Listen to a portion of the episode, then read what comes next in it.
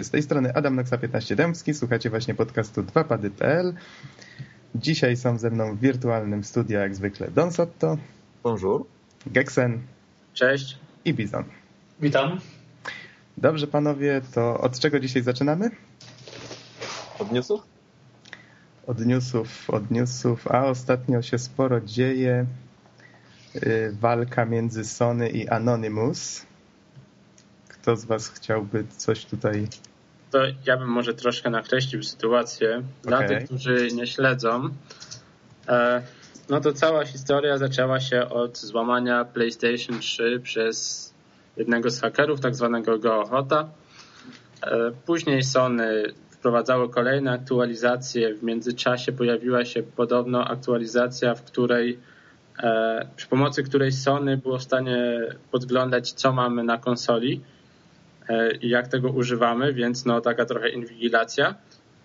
E, Później doszło do tego, że Sony zaskarżyło, tak? Yy, To znaczy, no w ogóle taka się utworzyła taka nerwowa atmosfera, coś w rodzaju zimnej yy, wojny między Sony właśnie a piratami. I jeden z nich, a mianowicie Geohot, no zdolny człowiek, jak widać, skoro łamie tak te zabezpieczenia, e, ale no to zaszedł im za skórę, bo ta PS3 jest oczywiście u Sony ich oczkiem w głowie i no, chłopaka teraz ściągają po sądach, co jest dość nietypowe, bo w sumie do tej pory jakoś no Sony tam miewało już takie e, jakieś takie historie właśnie związane z sądownictwem, tam na przykład pamiętam twórcy pierwszego emulatora do PlayStation już byli ciągani po sądach, czy, czy na przykład LG i Blu-ray. tak, to było ostatnio takie, takie historie. Tylko chodzi mi o to, że y, jakoś nigdy, jak konsola została złamana, spiracona, no to już było, minęło i po prostu było to traktowane jako fakt, a teraz Sony stara się odbić piłeczkę.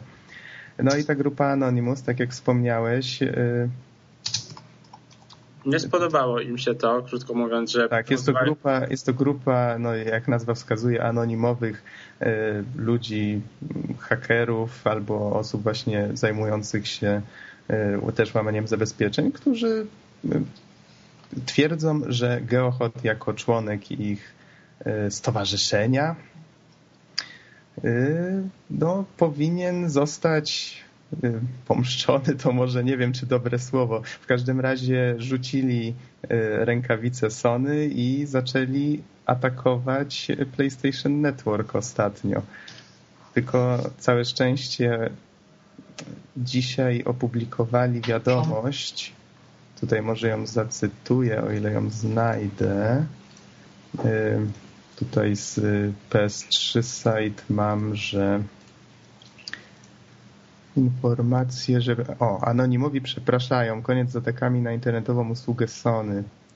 I tutaj ta- taki wpis się ukazał od nich, że doszliśmy do wniosku, że celowanie w PSN to bardzo zły pomysł. Musimy znaleźć takie rozwiązanie, które uderzy w Sony, ale jednocześnie nie dotknie klientów. Stoimy bowiem po ich stronie i reprezentujemy ich prawa. Jeśli w jakiś sposób utrudniliśmy życie zwykłym użytkownikom, e, zwykłych, zwykłych użytkowników, chcielibyśmy oświadczyć, że nie było to naszym celem. No czyli tak wiecie, z jednej strony tak próbują siebie naz- tak wzorować na takich Robin Hoodów, nie? E, Tylko z- Anonymous to jest specyficzna sprawa, gdyż tak naprawdę mm, nie jest to żadne stowarzyszenie takie oficjalne. Nie wiadomo, kto za tym stoi. To są tak naprawdę ludzie, którzy się zbierają na IRC-u, na Forczanie czy na innych forach i wspólnie coś kombinują. To, to już naprawdę różne rzeczy kombinują, gdyż czasem są to po prostu śmieszne żarty. Człowiek nigdy nie wie, się, nie wie, czego się po nich spodziewać, co? Tak, ale na przykład kiedyś dzięki Anonymous, e, nie wiem, na jakąś imprezę jakiegoś, wiecie, samotnego tam 90-iluśletniego dziadka Mhm. przyszła masa osób, nie? I on był w ogóle bardzo ucieszony, bo tak to by spędzał sam te urodziny. E, A skąd więc taka historia? Kiedyś było nawet w CD Action ten. Zdarzają się i takie e, ich, że to tak ujmę, wypady. W każdym razie e, cała walka z Sony nie toczy się tylko o to, wiecie, ok, złamaliście konsolę, E, znaczy, no może walka tutaj Anonymous tak, ale cała ta sprawa ze złamaniem, to jest mhm. jeszcze prawo do tego, czy mamy prawo modyfikować sprzęt, za który jednak zapłaciliśmy i go kupiliśmy. I teraz, dlaczego ja nie mogę wgrać na to swojego softu, nie? skoro mam go w domu? To tak, jest... bo nie zapominajmy, że Sony zabroniło, jak odkryło, że ten Linux, którego wcześniej można było odpalać na PS3, może zagrażać właśnie bezpieczeństwu tych, y, tych poufnych informacji, y, jak schakować konsolę, to od razu zablokowali możliwość używania tego Linuxa. No właśnie. No i... Używali tego jako argumentu hakerzy właśnie w walce z Sony. No, no i drugie pytanie to jest właśnie, czy mamy prawo modyfikować? Drugie, czy, no, czy, czy jednak chcemy popierać e, piratów, którzy mają... To tam tak syczy. Ja sorry, kolor. Bizonie, bizonie, nie pij podczas podcastu.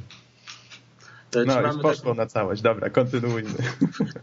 Czy mamy mieć taką skrajną wolność, mianowicie wiecie, piraci dopóki nie dorywają się do gier sieciowych, to tak naprawdę przynajmniej dla, dla takich użytkowników uczciwych są no, nieszkodliwi. Czy jednak mamy no, mieć ten totalnie zamknięty system, gdzie nie możemy konsoli zupełnie dotknąć i mhm. nic robić? No. Tylko wiesz, no, tak jak mówisz, oni mają konkretny cel, chcą coś konkretnego Sony udowodnić, prawda? I zwróćmy uwagę, że y, może specjalnie zrobili najpierw ten atak na PSN, żeby teraz, wiecie, przeprosić i żeby zwrócić uwagę najpierw wszystkich na sprawę, a teraz pokazać, że oni jednak działają w dobrej wierze czy coś. No, kto wie, jak oni to rozumują, y, planując to wszystko. Y, ale ja osobiście się cieszę, że oni, wiecie, no bo gdyby chcieli, mogliby położyć prawdopodobnie cały PSN jednego dnia, no tylko, że, no wiecie, narobiliby sobie wrogów, to może zbyt zbyt os, znaczy może nieodpowiednie określenie, bo po prostu to by było smutne, powiedzmy sobie szczerze. To znaczy, też ciężko, żeby oni sobie narobili wrogów, no bo kto? Anonymous to, znaczy, to takie... No, znaczy, może inaczej. Nie, właśnie dlatego mówię, że to nie było takie trafne określenie.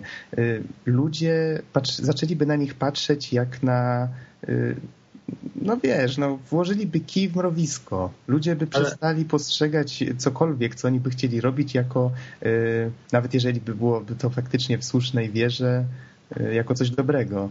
Ale Bo to, faktycznie... sam, no, to, no, sam, to samo, a nawet na większą skalę było podczas tak zwanej pierwszej wojny internetowej o e, Wikileaksa, kiedy mhm. położyli serwery Mastercarda, e, Wizy chyba i ludzie na przykład na lotniskach nie mogli zapłacić za bilety, nie mogli odlecieć, no bo serwery leżały e, za, za karę, tutaj tak w cudzysłowie, za to, że tamte usługi zablokowały płatności dla Wikileaksa, nie? że nie można było Mastercardem ani wizą przelewać na konto Wikileaksa. Więc mhm. ich jakby ta opinia, nie wiem czy do końca, no też nie wiem nawet kogo, to, to, to, każdy może się tam dołączyć. Możecie wejść na IRCA, możecie sobie ściągnąć specjalne narzędzie, no i dołączyć się do ataków, gdyż one polegają po prostu na spamowaniu serwera, dopóki ten serwer nie padnie. Tak. To są, takie, to są te najprostsze ataki. A z, z jednej strony mówi się, że to hakerzy, ale z drugiej tutaj ktoś w komentarzach na przykład określił ich mianem dzieciaków y, spamujących właśnie atakami DOS. Okej, okay, bo tam są tak naprawdę wszyscy. E, innego razu, nie wiem czy pamiętacie, masowa akcja ha zmiana haseł na Kotaku i na jakichś tam mhm. trzech innych. Tak samo była sytuacja, powiedzieli, my się Anonymous nie boimy, mamy odpowiednie zabezpieczenia. I następnego dnia było po nich. Parę godzin później na torrentach wylądowały hasła wszystkich użytkowników i loginy e, wszystkich użytkowników e, tych serwisów. Więc to, to nie były dzieciaki, które wiesz, mhm. tylko spamują. Tak, coś to prawda, coś w tym jest. E, akurat tak fajnie z uśmieszkiem podsumowują to te maski, które można znaleźć na zdjęciach tej grupy. E, to, to jest... Inspirowane komiksową postacią e, V. V. Tak, V for Vendetta. Widziałem niedawno film, bardzo fajny, więc mi się miło kojarzą te maski. No bo to, to jest taka walka o wolność, tylko czy, czy znamy granice. Ja osobiście ich popieram tutaj na, na podcaście, staram się być w miarę obiektywny, mm -hmm. i tak jednak no ta część mnie przemawia, ale no nie jestem użytkownikiem PSN-a ani PlayStation. No właśnie, ja jako użytkownik PSN mam tylko nadzieję, że faktycznie, wiecie, nie zaszkodzi to niejako mojemu po prostu e, może, bo mam prawo, prawda, do korzystania z tej usługi i nie chciałbym go po prostu tracić ze względu na jakąś wojnę. No, tylko tyle. Ja też myślę, że może faktycznie y, jak pojawia się jakaś druga strona barykady, to takim korporacjom czasem to dobrze zrobi na brzuch, że trochę się posiłkują właśnie, posiłują trochę z nimi. No zobaczymy, jak to będzie. W każdym razie już skończmy o nich. Zobaczymy, jak sprawa będzie się rozwijała. Na razie bardzo szybko się rozwija, więc ciężko będzie pewnie za tym nadążyć. A ja mam tutaj dla Was takie trzy bardzo króciutkie newsy jeszcze, mianowicie twórcy Wiedźmina dwójki powiedzieli, że oprócz tego, że się inspirują y, Batmanem Arkham Asylum, o którym dzisiaj może powiemy trochę więcej, Heavy Rainem, to jeszcze Demon's Soulsem mają tutaj u mnie dużego plusa, bo wszystkie Niekończąca te... się opowieść. Tak, niekończąca się opowieść. wszystkie te gry lubię, mają u mnie dużego plusa. Y, kolejny news, cyfrowa dystrybucja ratuje kreatywność, też z PS3 site. No teraz z jednego źródła mam dzisiaj newsy, bo jakoś nie miałem ostatnio czasu śledzić tego wszystkiego, co się działo. E, mianowicie Erik Czachy, którego e, być może znacie, twórca znany gry Another World. Słyszeliście zapewne? Nie. Albo widzieliście, nawet jeżeli tytułu nie kojarzycie, nie kojarzycie w tej chwili.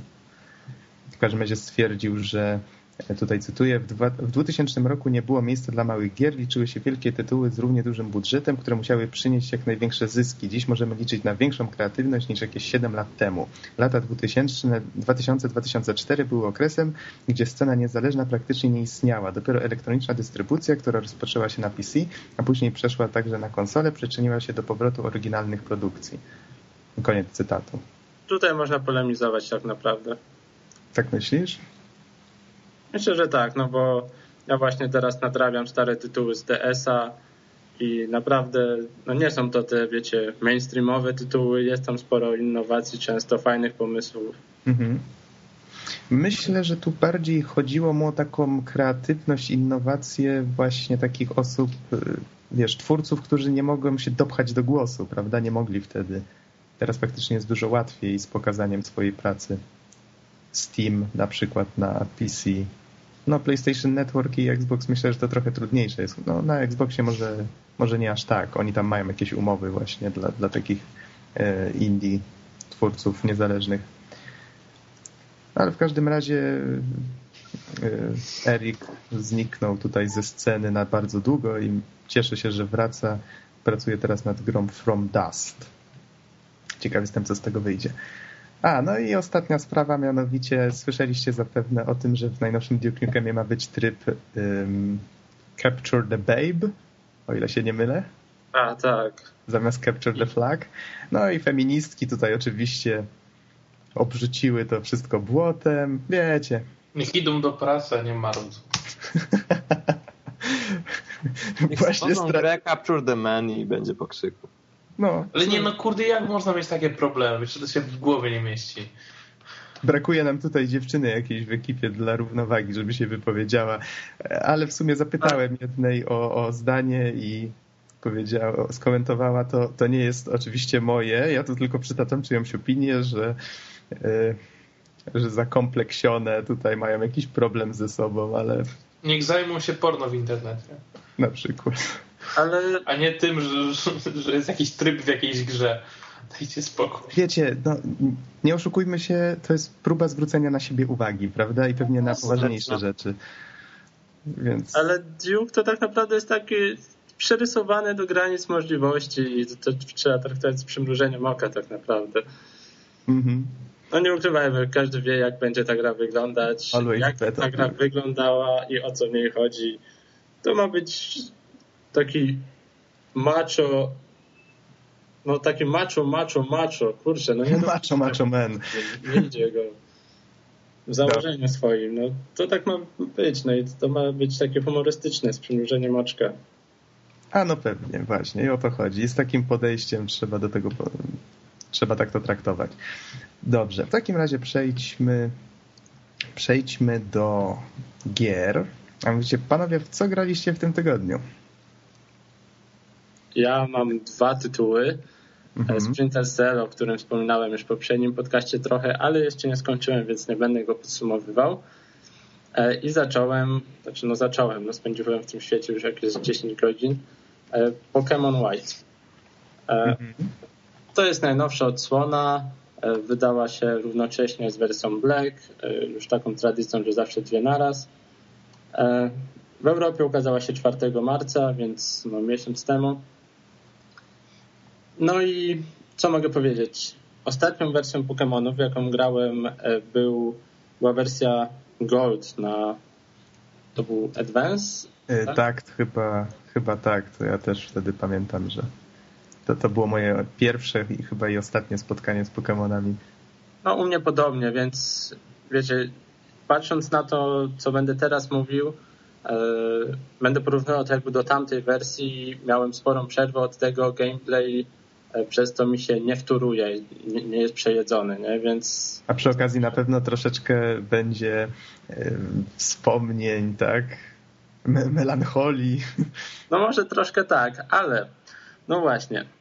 E, po odpaleniu gry od razu się czuje ten klimat Pokémonów. Ja to w pierwszy wieczór siedziałem z wielkim bananem na twarzy, wesoły. No wiecie, no dzieciństwo wraca, nie, na tej zasadzie. E, mhm. No, bardzo fajne uczucie. No i e, to, co troszkę mnie niestety zaszmuciło, no to mamy nowe Pokémony, ale nie spotkałem żadnego z tych starych, z tych pierwszych 150, ani z tej kolejnej edycji. Namnożyło się tego strasznie. Tak, nie wiem. Ile ich jest? To tysiąca teraz, tak? No pewnie coś koło, ta, coś koło eee, tego. Na pewno koło tysiąca? Aż sprawdzę gdzieś, ale mów dalej. Można znaleźć w internecie jakiś poketek.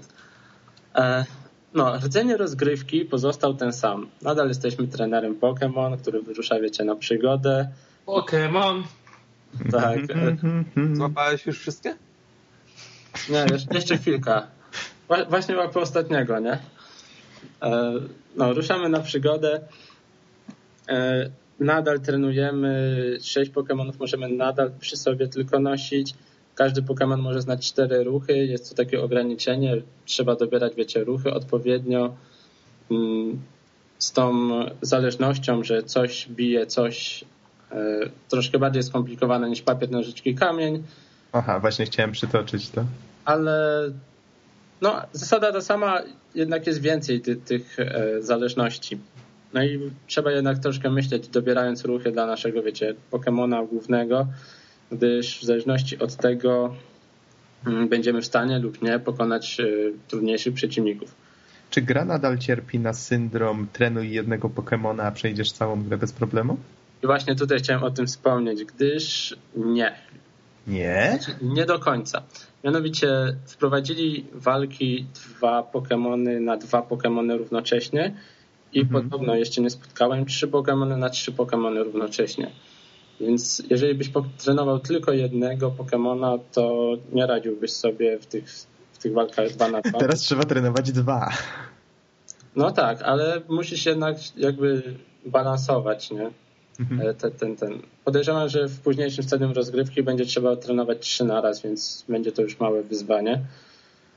Odpowiednio balansować, rozwijać, też pamiętać o tych zależnościach, żeby mieć jakby silnego Pokemona na jakiegoś tam wroga. Mm.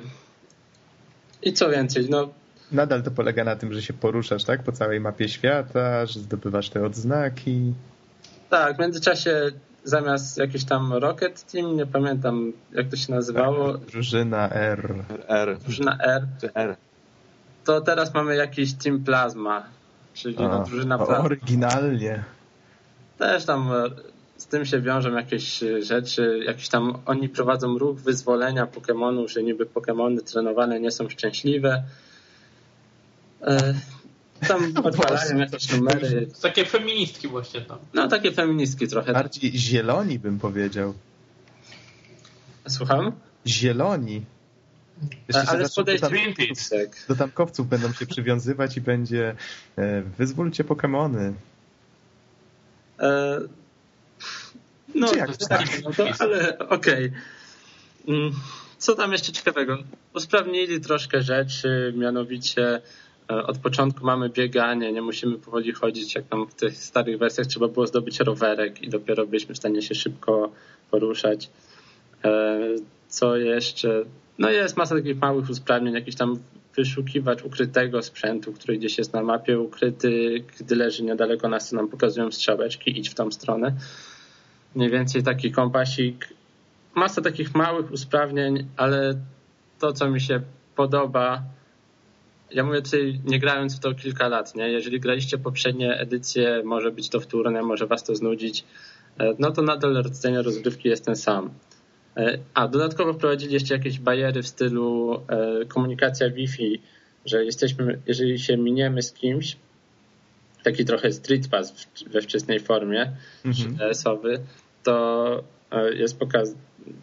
Też nie miałem okazji tego wykorzystać, ale widać to z wykresu, że tak będzie, że na przykład widzimy, jakie Pokémony trenuje osoba, którą minęliśmy, w sensie na przykład jakiego typu albo jaki Pokémon był wybrany przez nią jako pierwszy jakieś takie statystyczki jesteśmy w stanie oglądać, anonimowe.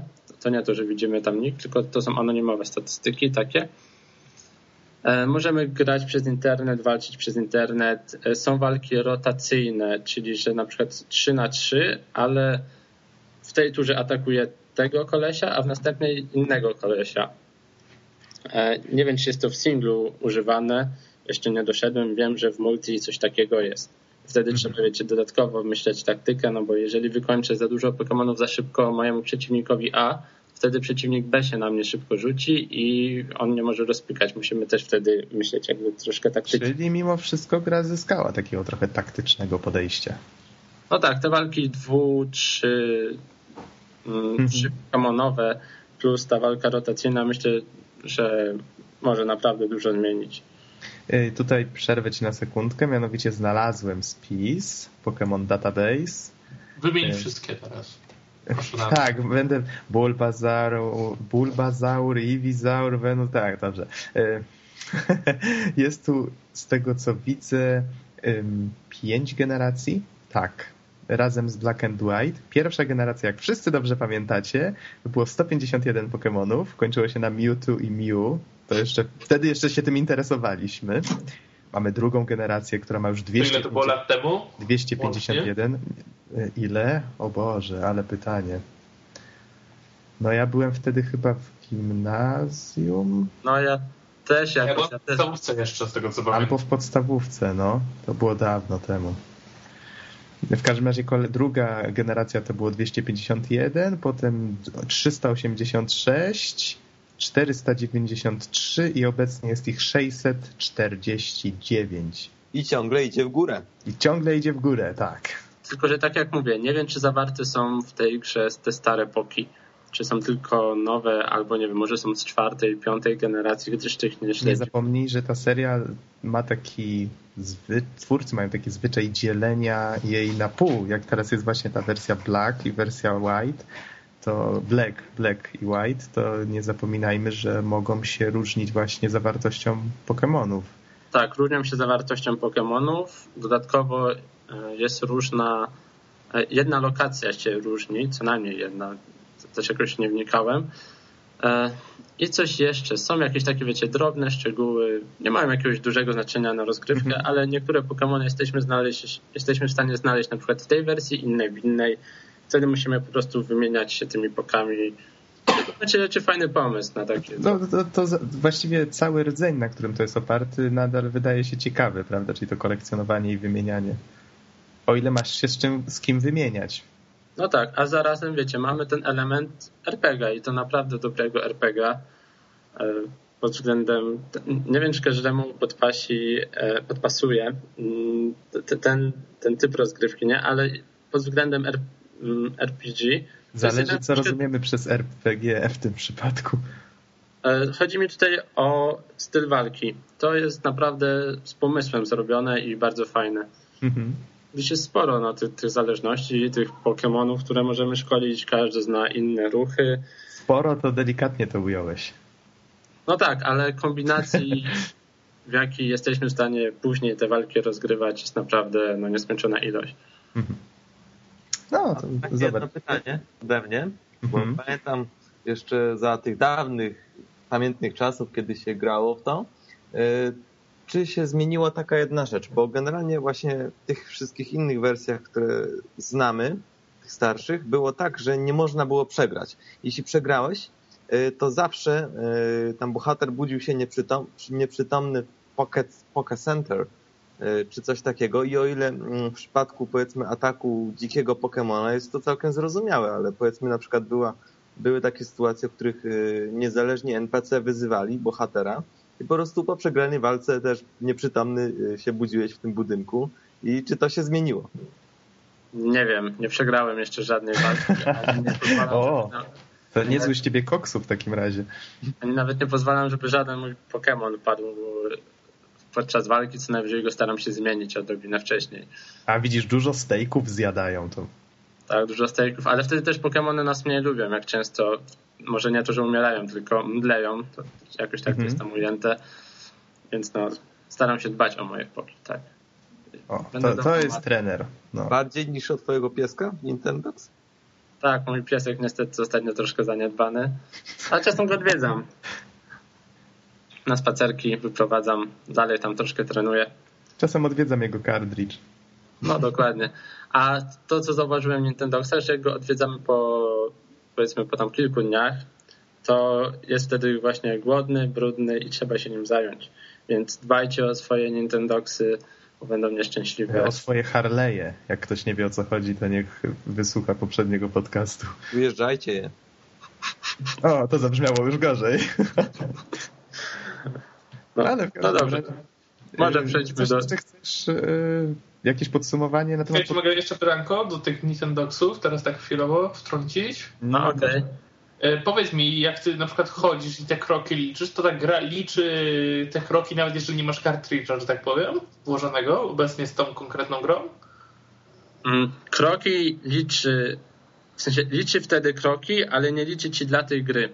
Jeżeli chcesz, w, tylko Nintendoxy, przynajmniej z tych gier, które ja na razie mam, mają tak, że włączasz specjalną, specjalny tryb w tej grze i wtedy są specjalnie liczone kroki dla tej gry. Inaczej są one liczone i zamieniane na takie zwykłe monetki, za które... Czyli to nie jest, że tak powiem, systemowo tutaj realizowane? E, nie, nie. Że, że system konsol liczy, a potem gra wie, że ty chodziłeś po prostu z konsolą. Nie, musisz mieć włożony kadrycz i odpalić ten tryb. No i to znaczy jest to systemowo, gdyż ona jest po prostu wtedy zminimalizowana, Street Pass działa i te inne funkcje, tylko, tylko musisz mieć jednak tą grę włożoną, odpaloną, no i ten tryb włączony. No, no rozumiem, to mnie po prostu ciekawiło, że jak, jak to działa. Mhm. A e, właśnie tak to może, jeszcze odbiegnę od tematu, e, to wiecie, orientujecie się może na jakiej zasadzie w ogóle liczy te kroki? Jaka jest technologia tego? Nie. Może jak zwykły kalkomierz, wystarczy im trząsnąć. No to... Znaczy, chodzi ci o technologię, mm, nie wiem, czy ma wbudowany akcelerometr, na pewno ma wbudowany żyrometr i myślę, że żyrometr wystarcza do pomiarów. Czyli można kodzić, tam trząść delikatnie, jakby się szło i będzie liczyć? Dobrze. Próbowałeś tak robić? O, odbiegliśmy, można, odbiegliśmy panowie trochę zbyt mocno od tematu. Yy, powiedz tak podsumowując już te Pokémony, komu byś tą grę w takim razie polecił? Czy właśnie polecasz powrót do niej po latach, czy niekoniecznie? No ja się czułem świetnie właśnie po, po tych latach, no, już ładnych kilku, które nie grałem w Pokémony. I dla tych osób na pewno będzie to świetna zabawa z powrotem wrócić do tego świata, pograć sobie. Mm, dla tych, którzy grali w te poprzednie edycje, śledzili, nie wiem, czy aż tyle się zmieniło. Nie, nie miałem poprzedniej wersji, nie jestem w stanie, wiecie, obiektywnie wam tego powiedzieć na pewno jeżeli nie graliście kilka lat w serię Pokémon, no to godne polecenia, bardzo fajne. Okej. Okay. To w takim razie może teraz ja powiem, w co grałem. Mianowicie przeszedłem Batman Arkham Asylum. O, tak, na PS... Batman na PS. To mnie denerwuje ten jego głos. O Boże, tak, to z tej parodii. Powiem wam, tak, tutaj Batman też na początku jest trochę denerwujący z tym swoim e, superhero speech, jak to powstrzymam, powstrzymam cię, nie uciekniesz i tak dalej, ale cały show kradnie Joker, który tutaj jest, no słusznie zresztą dobry wybór, głównym villainem i jakby on tutaj pociąga za sznurki i przez większość gry tak naprawdę to on rzuca najlepszymi tekstami, całkiem zabawnymi zresztą. W grze pojawia, pojawia się też dużo innych Szkoda, że w większości w formie encyklopedycznej tylko czarnych charakterów znanych z komiksów czy z kreskówek. Na pewno jeszcze pamiętacie tą taką kreskówkę, która leciała no, z 10-15 lat temu. No do dzisiaj pamiętam. Ha, no widzisz. To, to, to jednak ja była tam... kreskówka z Batmanem? Tak, pewnie. że była. Znaczy było ich sporo, tylko że była... Potem był jeszcze Batman przyszłości. O, dokładnie. Tylko ja z tej poprzedniej... Chyba, chyba za szybko skończyłem oglądać bajki, też czuję. No, widzisz. Wyznania Bizona. Było coś, ale powiem wam, że ja też słabo pamiętam, ale nigdy w Panem Batmana nie Ja to zawsze Spidermana oglądałem. No dobrze, dobrze, ale nie mówimy o Spidermanie. E, Jakie wyznania w ogóle. w każdym razie, wiecie... Batman. Nie no, z tych super bohaterów nie wiem jak wam Batman mi się podoba najbardziej, bo on mimo wszystko jest jeszcze w miarę normalny. Wcale nie jest super. No tak, wcale nie ma supermocy, nic, tylko posługuje się gadżetami i to w tej grze bardzo dobrze pokazali. Bo... Nadziany gości, tyle. Nadziany i ma, kurcze, bary, wiesz... Jak każdy bohater gier. Ściany do drugiej. Tak, i to jest ciekawe, Chociaż może jeszcze do tego przejdę. Najpierw tylko powiem, że fabuła całości kręci się wokół tytułowego Arkham Asylum, czyli takiego szpitala dla umysłowo chorych w Gotham. Ten, ten ośrodek się pojawiał już wiele razy w opowieściach właśnie o Batmanie, nawet w tym filmie Batman Początek, który niedawno taki sukces odniósł w samej grze... Początek? Tak. Bo nie, Batman, Batman początek nie odniósł aż takiego dużego sukcesu. Mówisz o tym Czarnym Rycerzu chyba. Y, no, on to już odniósł o wiele większy sukces, no ale chyba fakt, że jednak powstał sequel, bo nie oszukujmy się, ten Batman początek jednak tak zaproponował taką nową formułę dla Batmana. Trochę też widać to tutaj w tej grze. Wiem, Batman początek był bardziej jeszcze taki standardowy. Dopiero, dopiero w tym czarnym rycerzu poszli na maksa w tą nową konwencję. No być może. W każdym razie tutaj już kończąc kwestię fabuły, y, Batman zawozi tam Jokera po aresztowaniu. Okazuje się, że to wszystko była y, mistyfikacja, że Joker specjalnie dał się złapać, że tam zaaranżował już całą serię pułapek, y, zaprosił w cudzysłowie różnych wrogów Batmana i tam się toczy akcja i tak naprawdę o co chodzi Jokerowi, dlaczego tam to wszystko dzieje się tak, a nie inaczej, to wszystko musimy odkryć. Rozgrywka jest o tyle ciekawa, że przypomina mi Metroida wymieszanego z Metal Gear Solid. Nie wiem, czy graliście w Metroida? Albo... Mm, ja tak. Ale zależy w którego Metroida, bo to dość... Y, chodzi, chodzi o to, że cała rozgrywka opiera się na tym, że jak odwiedzamy pewne miejsca, y, mamy swobodę ruchu i zdobywamy nowe umiejętności, które pozwalają nam się dostać do nowych miejsc. Możemy też wracać do starych, wykorzystywać te umiejętności, żeby zdobywać jakieś znajdźki albo tego typu rzeczy. No to właśnie na tym się to opiera. Aha, no to ja tak dodam dla młodszych graczy e, coś jak w Zeldach albo chociażby w młodszym Darksiderze. Mhm. I a Metal Gear Solid dlatego mi przypomniał, bo w sumie ten klimat tego kompleksu, bo tutaj to, to Arkham zostało przeobrażone przez obecnego y, burmistrza w coś w rodzaju więzienia i zostali tam przeniesieni wszyscy zupełnie przypadkiem y, najgroźniejsi kryminaliści, więc Batman ma tam co robić.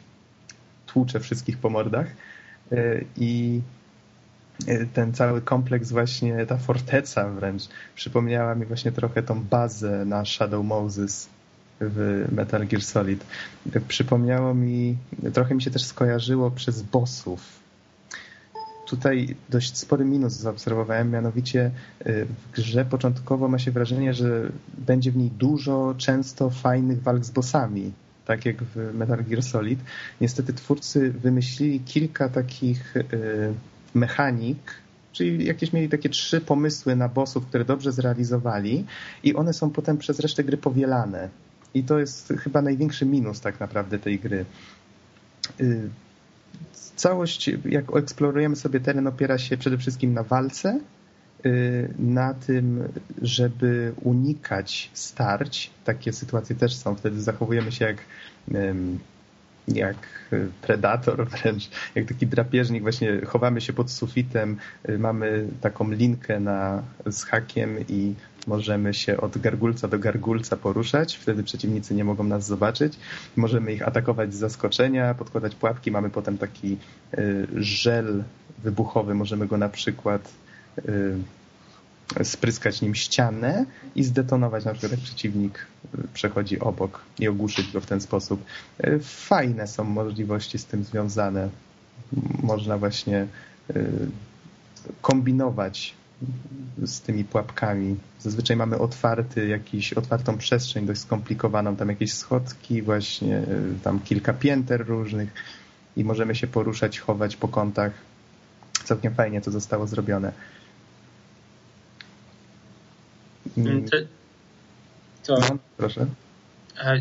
Jakbyś ujął, w jaką kategorię byś wrzucił Batmana w takim razie? Myślę tutaj trochę skradania, no na pewno troszkę walki, to, to da się o. myśleć. I co to jest sandbox? Mi, fajnie mi pomogłeś tym pytaniem. E, trochę tak. Trochę tak, właśnie z, z, tym Metroidem, jak mi się skarżył. To jest trochę sandbox. Przede wszystkim jest to gra akcji.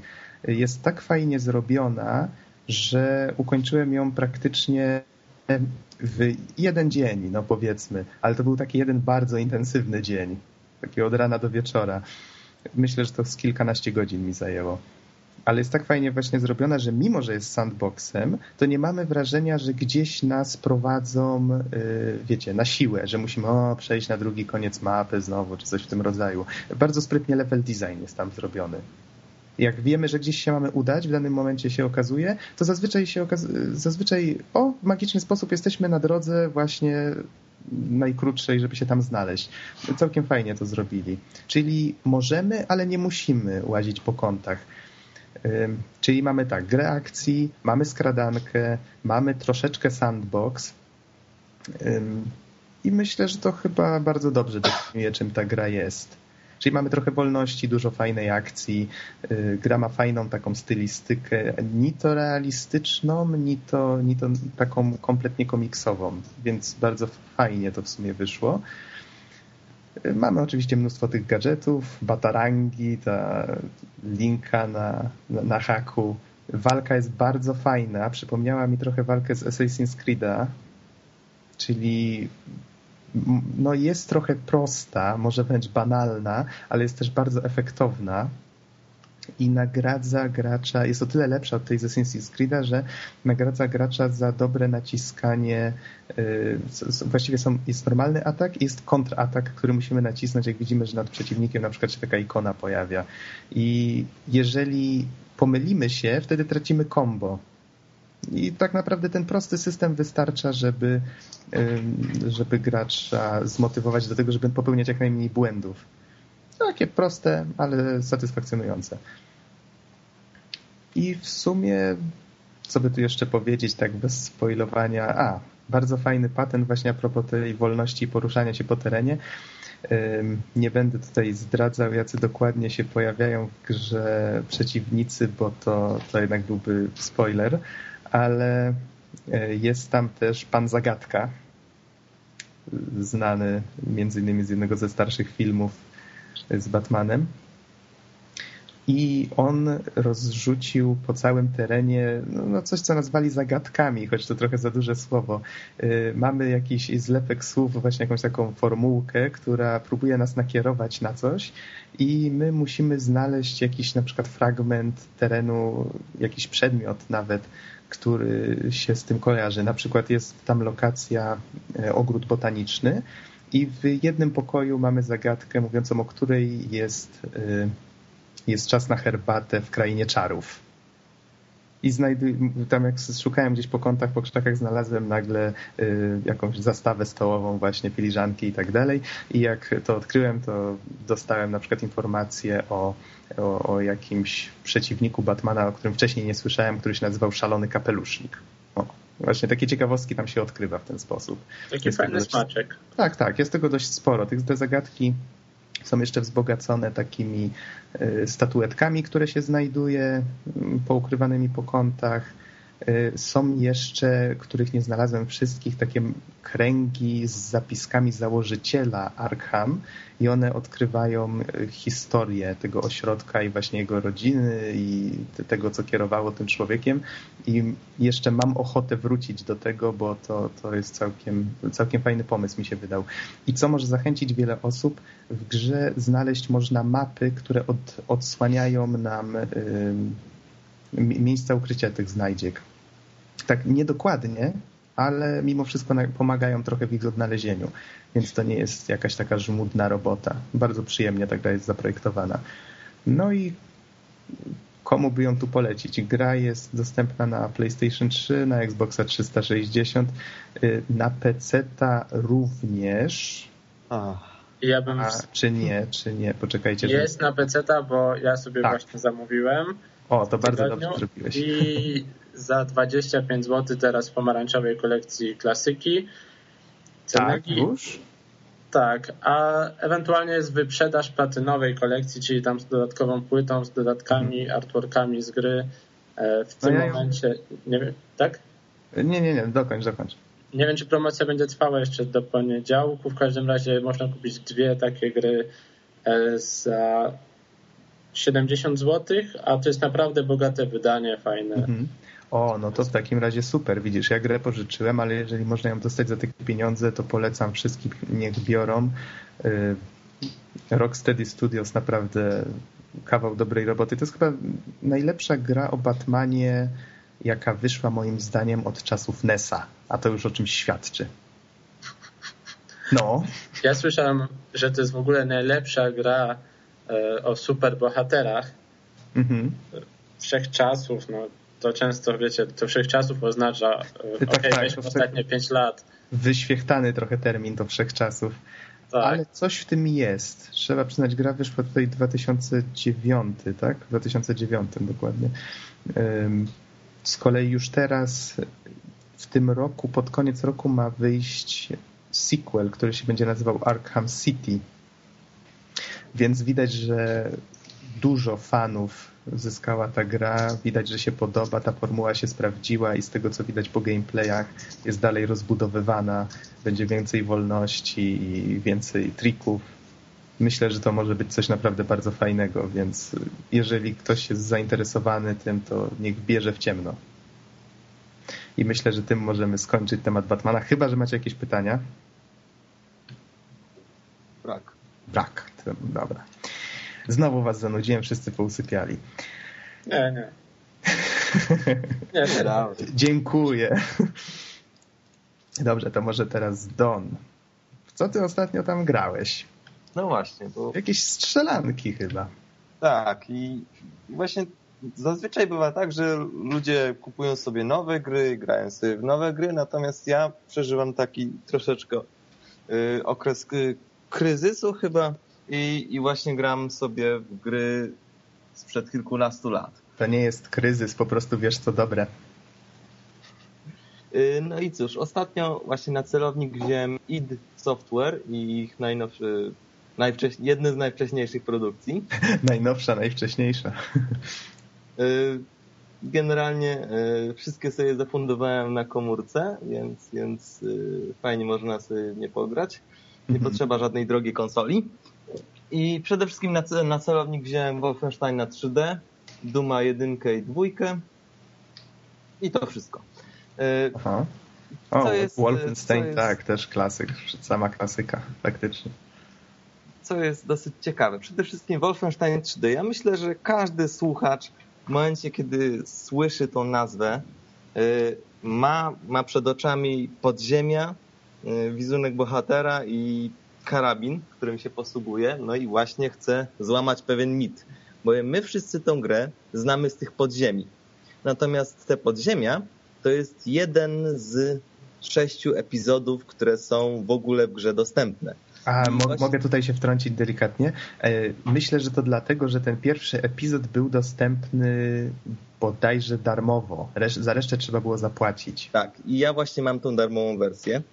E, I te podziemia to po prostu jest e, osiem poziomów. Czyli te, które wszyscy, wszyscy znamy. Natomiast no, są kolejne sześć, pięć epizodów, ale id Software skorzystał, e, skorzystał z sukcesu gry w całkiem, no powiedzmy, dobry sposób i wypuścili kilka, e, kilka innych e, mission packów. Między innymi, ja tu mam instrukcję przed sobą, zobaczmy. Ściągawka. 19. Już patrzę, o jest. Mhm. Nocturnal Missions i Spear of Destiny. Także mhm tego jest dużo. No i oczywiście myślę, że jeśli ktokolwiek miał kiedykolwiek grać w Wolfa 3D, to myślę, że warto jest, y, warto jest ściągnąć sobie i przejść chociaż te pierwsze 8 poziomów dostępnych za darmo, żeby, żeby jakoś sobie tam pamięć odświeżyć.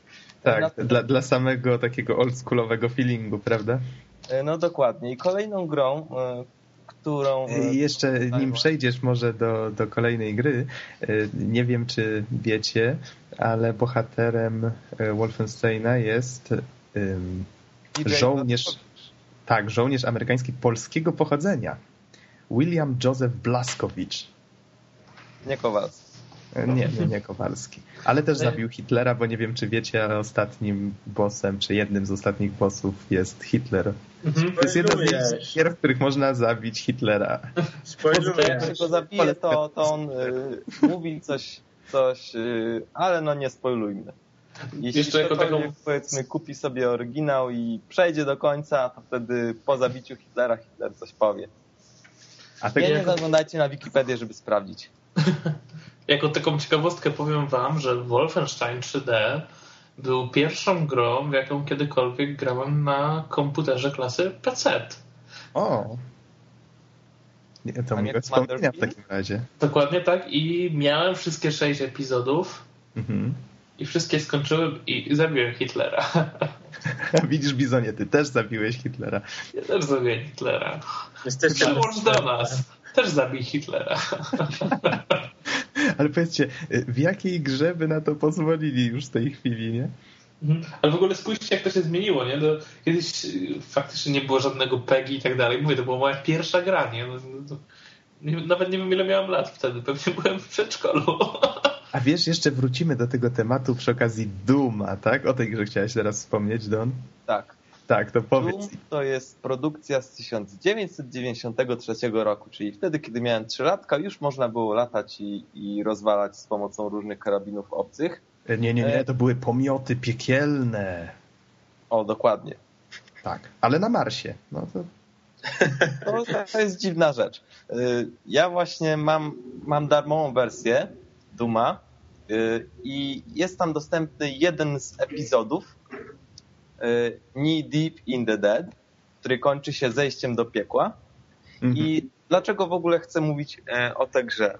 Generalnie myślę, że jest to całkiem zrozumiałe, że wszyscy sobie kojarzą to, że id Software się rozwijał, prawda? Najpierw Wolfenstein 3D, potem Doom, potem kolejny Doom, e, Quake, Quake 1, potem Quake 2. Ale chciałbym coś zaznaczyć. Przede wszystkim to, że wszystkie te gry, aż do Quake'a 2, są niemalże takie same, tyle że poprzenoszone do, do różnych rzeczywistości.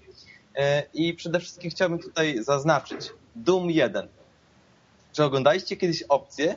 Przyglądaliście się w ogóle opcjom? Bo naprawdę to jest imponujące. Ja teraz e, z, z punktu widzenia współczesnego gracza, a przynajmniej takiego, który widział Quake'a 2, popatrzyłem sobie w ogóle na wszystkie te opcje, które są dostępne i mm -hmm. byłem mocno zdziwiony. Na pewno jest ich więcej niż w Crazysie dwójce. E, przede wszystkim możemy sobie wybrać tam kolor gracza, mamy do wyboru wszystkie, wszystkie kolory, możemy sobie sam, sami dobrać, ile ma być e, czerwonego, zielonego, niebieskiego, możemy sobie wybrać imię i tak dalej, bo generalnie Doom to jest właśnie jedna z pierwszych gier, w których mogliśmy grać e, przez sieć. Mhm. Gameplay options, oh my god, tego jest bardzo dużo.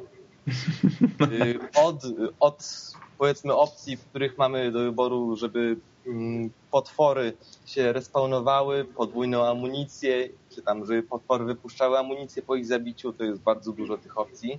Compatibility options, te, które mnie najbardziej zadziwiły. E, otóż twórcy gry przewidzieli, że jeśli powiedzmy na przykład grasz w grę i dzieje się z nią coś dziwnego, na przykład przeciwnicy widzą przez ściany albo strzelają przez ściany, to e, w tych właśnie opcjach mamy kilkanaście y, opisanych y, takich dziwnych zachowań i jeśli po prostu takie, jedno z takich zachowań występuje w twojej wersji, wybierasz sobie jest i w ten sposób y, to jest likwidowane. Mhm. Czyli no to jest dosyć imponujące jak dla mnie. Video mode, oczywiście rozdzielczości jest całkiem sporo, ale myślę, to, że to dlatego, Don, że... Przepraszam. Właśnie może, tak, nie przechodźmy może aż do takich detali. Powiedz właśnie, dlaczego chciałeś opowiedzieć akurat o, o, tym, o tym rozwoju właśnie Wolfa, Duma. No, mu się rozpędziłem. No to tak, przede wszystkim jak już powiedziałem, jeśli się przyjrzycie Doomowi tak naprawdę, to zorientujecie się, że Doom 1 nie ma, nie ma wielkich różnic między Doomem 1 a Quake'iem 1.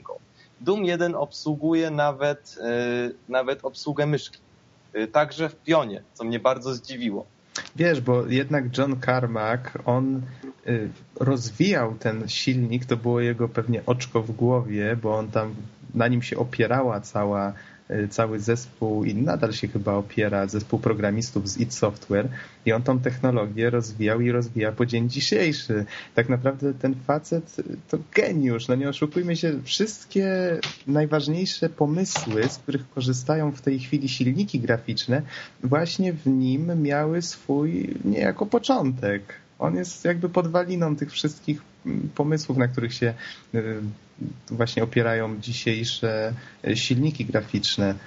Tam wykrywanie kolizji, jakieś właśnie wyświetlanie po wierzchołkach, wiecie, ścian, skyboxów, to, to wszystko znaczy nie, nie, znaczy nie chcę tutaj mówić za dużo, bo nie wiem ile dokładnie, ale wiem, że on wymyślił bardzo dużo z tych rzeczy. Wiele z nich wymyślił nawet przed na przykład wiele patentów, które wykorzystał potem w Dumie Trójce, wymyślił już projektując jedynkę, ale po prostu komputery były za słabe. Więc to, to już jest jakiś wyznacznik. No, także o samych grach w ogóle id Software można by mówić bardzo dużo. Ale no myślę, że, że wszyscy kojarzymy takie bardzo charakterystyczne momenty jak Exit, e, przy końcu poziomu to się pojawia i w Dumie jedynce, dwójce, i w Quake'u jedynce, i w Quake'u dwójce, i nawet w Quake'u czwórce. Także jest to pewna swoista tradycja, żeby właśnie tak robić.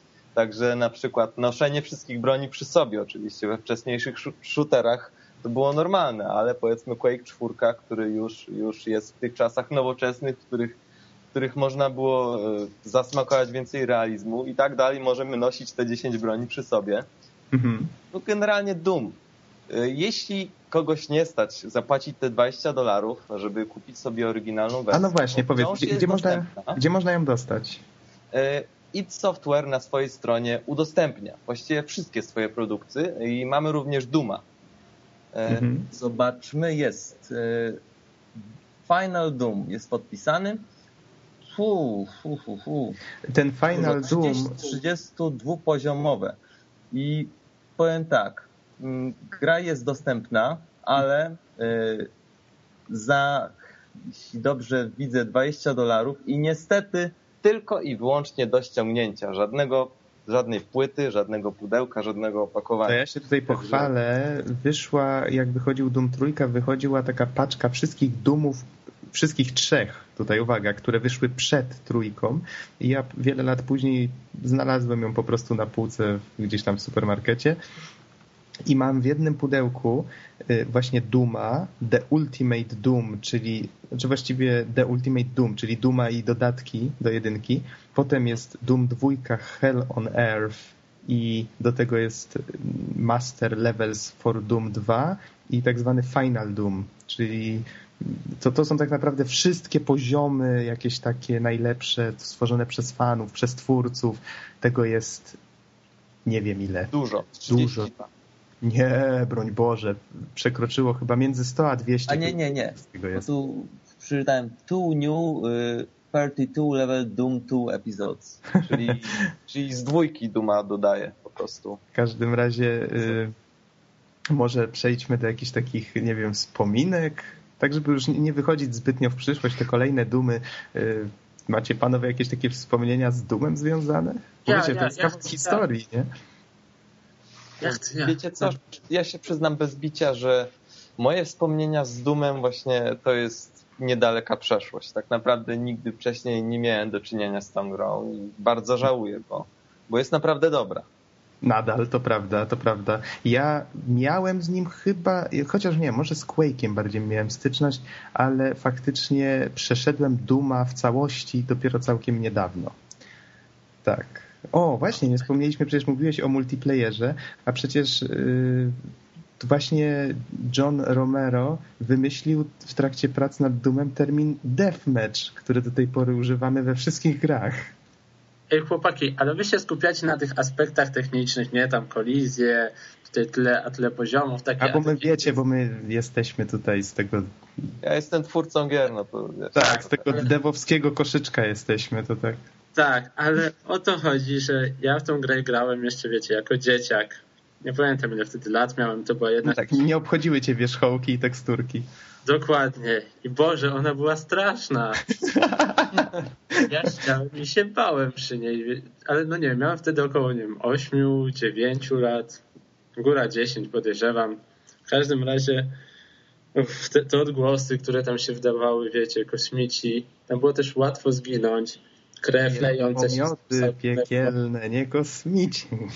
A właśnie, słuchajcie, powiem wam, a propos y, poziomu trudności. Y, ja y, na komórce y, spokojnie wyciskam y, na poziomie bodajże tam jest chyba z 5 albo 4, no to na przedostatnim. Daję sobie radę spokojnie, także tylko czasem muszę wczytywać, kiedy mnie bardzo zaskoczą. Natomiast y, na komputerze pomyślałem sobie, że skoro przystosowałem i myszkę, poziom i te wszystkie inne rzeczy, to ustawiłem sobie na najtrudniejszy poziom trudności. I ku mojemu zdziwieniu jest naprawdę trudny. Tak. Powiem tak. Nie dość, że przeciwnicy od samego początku mają shotguny, czyli są bardzo mocni, czyli praktycznie dwa, dwa strzały z bliska potrafią zabić bohatera, to nie dość, że, że są właśnie tacy mocni, to po ich zabiciu, bardzo krótko po ich zabiciu, oni się respawnują. Czyli powiedzmy przechodząc poziom i idąc kawałek dalej, musisz cały czas patrzeć w tył, żeby uważać, żeby ktoś z tyłu cię nie zabił. A mhm. właśnie poziomy w Dumie są tak skonstruowane, że po prostu e, trzeba, trzeba się przemieszczać po poziomach, e, żeby powiedzmy znaleźć jakiś klucz, czy ten klucz użyć, więc to jest naprawdę wyzwanie. I przyznaję, że nie przeszedłem dalej niż może 3% pierwszego poziomu na poziomie Nightmare, więc tak, Jeśli ktokolwiek potem... przeszedł, to jest psychopatą, a nie graczem. No, nie przesadzajmy. W każdym razie tutaj z mechaniki przypomniałem sobie taką ciekawostkę, że nie można było patrzeć chyba w górę.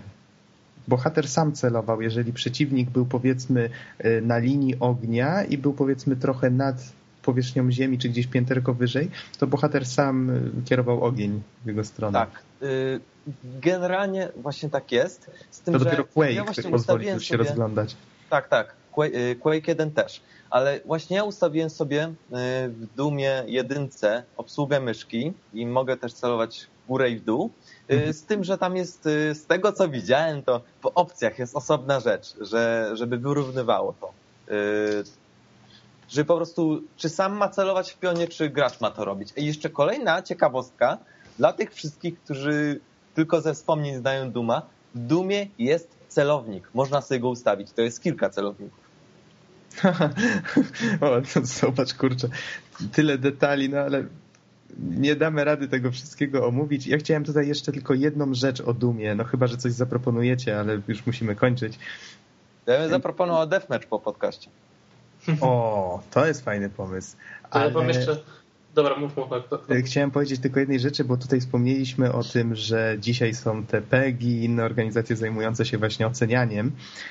E, thank you Mortal Kombat, ale Y, w Duma jak grałem, to mówisz, Norbert, że on był straszny. No właśnie trochę tak, nawet w dzisiejszych czasach on się wydaje taki y, niepokojący. Co my tam mamy? Mamy mnóstwo jakichś tam rozerwanych ciał leżących na ziemi, bijące serca na jakichś kolumienkach, podstawkach. Bijące serca? W Dumie jedynce nie ma żadnych bijących serc. No jak nie ma w jedynce, to na pewno są w dwójce. No, niedawno grałem, pamiętam.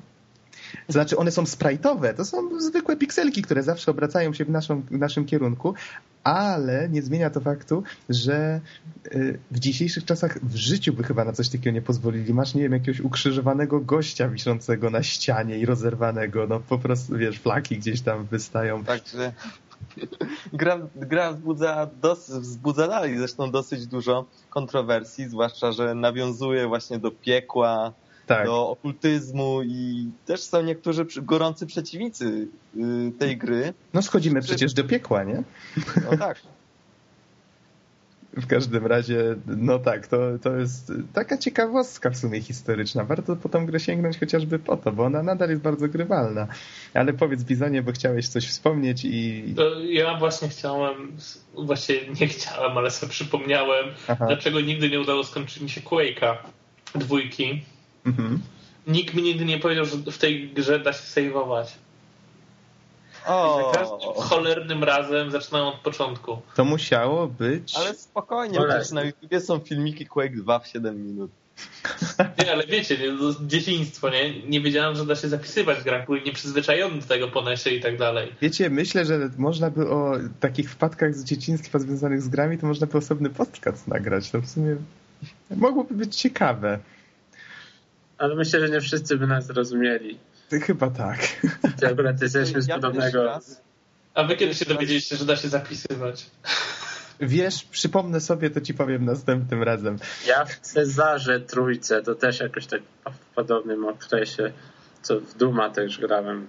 Ja się wychowałem na Pegasusie, tam nie było zapisywania, a przynajmniej... No właśnie, właśnie o tym mówię, no i nie miałem żadnego pojęcia, że się da zapisać grę. Ale na, na PC już to rozstrzeliłem chyba jakoś. Dla mnie Quake'u dwójce, jak byłem bardzo mały, to w ogóle była pierwsza gra id Software'u, z którą w ogóle kiedykolwiek miałem do czynienia i to jeszcze nie na moim komputerze, tylko gdzieś tam na komputerze znajomego. Mhm. Największym wyzwaniem było wyjście z gry, bo jak jest to menu, to tam klikasz quit i właśnie wyskakiwało takie okienko i drobnym maczkiem było napisane press Y to quit. No i jako taki mały chłopiec nie rozumieliśmy, co tam jest napisane i w ogóle tego nie rozpoznawaliśmy i po prostu jak z tego wyjść? No nie tak, to taki stary sposób na zamykanie gier. Naciśnij. No, no, było coś takiego. A, a tutaj już piekło mi się ten, piekło mi się wali na głowę. Nie wiem, czy słyszeliście taki huk.